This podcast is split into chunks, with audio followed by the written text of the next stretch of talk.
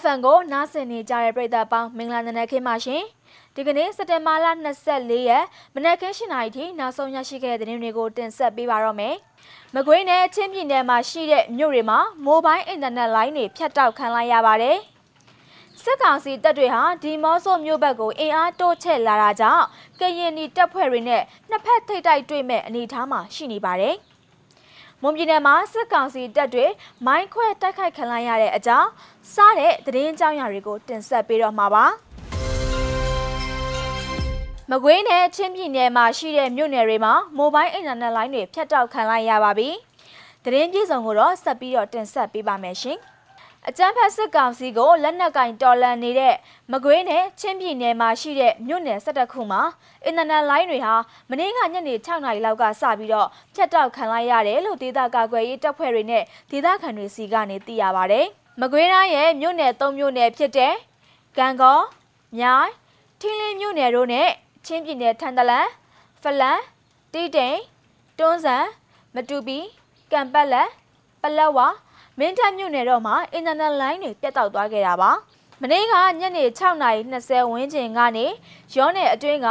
ဂံကောမြို့နယ်နဲ့ထီလင်းမြို့နယ်တွေမှာလည်းအင်တာနက်လိုင်းတွေဖြတ်တောက်ခံလိုက်ရပါပြီ။ဂံကောမြို့နယ်ရဲ့တချို့နေရာမှာတော့ 2G နဲ့ 3G လိုင်းတွေရနေသေးတယ်လို့သိရပါဗျ။ချင်းပြည်နယ်ကမြို့နယ်အများစုမှာတော့တယ်လီနောနဲ့ Orido လိုင်းတွေကအင်တာနက်ပြတ်တောက်သွားတာဖြစ်ပြီးတော့ MPD ကတော့ရတစ်ချက်မရတစ်ချက်ဖြစ်နေတယ်လို့သိရပါဗျ။ စကိုင်းတိုင်းနဲ့မန္တလေးတိုင်းဒေသအတွင်းကမြို့နယ်တချို့ကိုလည်းမကြသေးခင်ရပ်ပိုင်းတွင်းကမှစစ်ကောင်စီကအင်တာနက်လိုင်းတွေဖျက်တောက်ခဲ့ရလဲဖြစ်ပါတယ်ရှင်။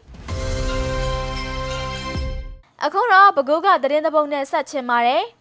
။ပဲခူးမြို့ဟင်းသာကုန်းရောက်ကမှာလူငယ်တအူးနဲ့စစ်ကောင်စီတပ်တို့တနက်နဲ့အပြန်အလှန်ပစ်ခတ်မှုတွေဖြစ်ပွားခဲ့ပြီးတော့ဒဏ်ရာရသွားတဲ့လူငယ်နဲ့သူ့ရဲ့မိခင်ဖြစ်သူကိုဖမ်းဆီးသွားကြတယ်လို့သိရပါဗျ။မနေ့ကမနက်9:30မိနစ်အချိန်မှာဇေယျအောင်မြင်လမ်းမှာနေထိုင်တဲ့ကိုစီသူကောင်းမြတ်ကိုဖမ်းဆီးဖို့လာတဲ့စစ်ကောင်စီတပ်တွေကနေရင်ပြင်မှာရက်နေတဲ့မိခင်ဖြစ်သူအသက်52နှစ်အရွယ်ဒေါ်သန်းသန်းမြင့်ကိုလက်ထက်အရင်ခတ်လိုက်ကြပြီးတော့အဲ့ဒီအဖြစ်ပြက်ကိုအိမ်ပေါ်တက်ကနေမြင်လိုက်တဲ့တာဖြစ်သူကိုစီသူကောင်းမြတ်က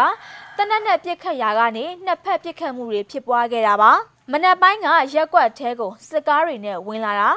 အဲ့ဒီကောင်လေးကိုမတွေ့လို့အပြင်မှာရက်နေတဲ့သူ့အမေကိုလက်ထိတ်ခတ်ဖမ်းလိုက်တာအဲ့ဒီမှာသူ့သားနဲ့အပြန်လဲပြစ်ခတ်ကြပြီးတော့ရဲတယောက်လက်ကိုထိသွားတယ်သူကတော့သုံးချက်ထိသွားပြီးတော့အခုဆေးရုံမှာလို့မျက်မြင်တွေ့သူရက်ွက်နေသူတဦးကပြောကြားခဲ့ပါတယ်အသက်25နှစ်အရွယ်ရှိတဲ့ကိုစီသူကောင်းမြတ်ဟာအခုချိန်မှာတော့ဘကူးဆေးရုံမှာစိတ်ကူးတောက်မှုကိုခံယူနေပါပြီရှင်။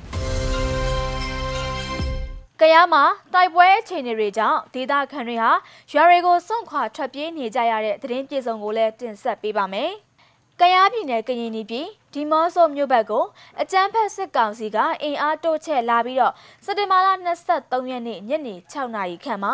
ဒီမော့ဆိုနဲ့မလန်မကန်ကျေးရွာတွေထိနေရာယူလာတာတွေရှိတယ်လို့သိရပါဗျ။အခုကတော့စစ်ကောင်စီကစံပြ6မိုင်ကနေတဆင်မီတဆင့်ရွာတွေမှာနေရာယူလာတယ်။ လိုင်ကောင်ကနေလာတဲ့တက်ကအင်အား400လောက်ထိရှိနိုင်ပြီးတော့ဒီချီနေတိုင်း80တိုးလာရင်တော့ထိတ်တိုက်တွေးဖို့ပဲရှိတော့တယ်လို့ KNDF ပြောခွင့်ရဗိုလ်မြတ်မှန်ကရန်ကုန်ခေတ်သစ်သတင်းဌာနကိုပြောကြားခဲ့တာပါ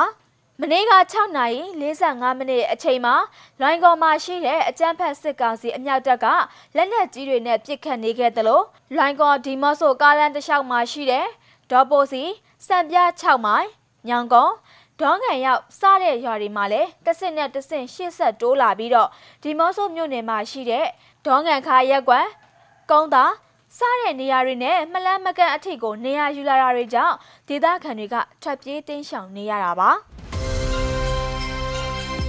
မွန်ပြည်နယ်မှာစစ်ကောင်စီတပ်တွေမိုင်းခွဲတိုက်ခိုက်ခံလိုက်ရတဲ့အကြောင်းကိုဆက်ပြီးတော့တင်ဆက်ပေးပါမယ်။ မွန်ပြည်နယ်ကြိုက်ထုံမြို့နယ်စစ်တောင်းမြို့ဟောင်းနီးမှာရှိတဲ့ကမ်းနီကျေးရွာတရားနာမှာစက်တင်ဘာလ22ရက်နေ့ညနေပိုင်းကစစ်ကောင်စီရင်တစည်းမိုင်းခွဲတိုက်ခိုက်ခံရပြီးတော့ကားပေါ်ပါစစ်သား25ဦးသေဆုံးခဲ့တယ်လို့သိရပါဗျ။စစ်ကောင်စီကားကလမ်းဘေးထိုးကျသွားတယ်25ဦးသေတယ် 9ဦးဒဏ်ရာရတယ်မိုင်းခွဲတိုက်ခိုက်ပြီးတော့အရက်သားကားတစ်စီးကိုစစ်ကောင်စီတွေကပြစ်ခတ်လို့ကားပေါ်ကလူ၃ဦးဒဏ်ရာရတယ်လို့ KNU စစ်ဘက်ဆိုင်ရာဗိုလ်ကြီးတအုပ်ကပြောဆိုခဲ့တယ်လို့သိရပါတယ်။မိုင်းခွဲတိုက်ခိုက်ခံရတဲ့အဝေးပြေးကားလမ်းမှာကမ်းနေတရားပေါ်ကဖြစ်စဉ်အပြီးမှာတော့စစ်ကူလာတဲ့အဖွဲ့နဲ့စစ်ကောင်စီတို့အချင်းချင်းမှားရွေးပြစ်ခတ်ကြပြီးတော့အဲ့ဒီပြစ်ခတ်မှုမှာ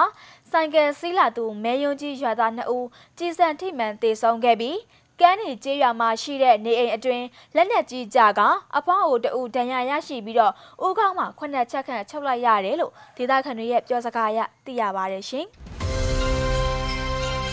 စက်တင်ဘာလ24ရက်နေ့မနက်ခင်း7:00နာရီထိနောက်ဆုံးရရှိခဲ့တဲ့သတင်းတွေကိုတင်ဆက်ပေးကြတာပါ။နားဆင်ပေးကြတဲ့အတွက်ကျေးဇူးတင်ပါတယ်။အားလုံးပဲတာယာလှပတဲ့မနက်ခင်းလေးကိုပိုင်ဆိုင်ကြပါစေရှင်။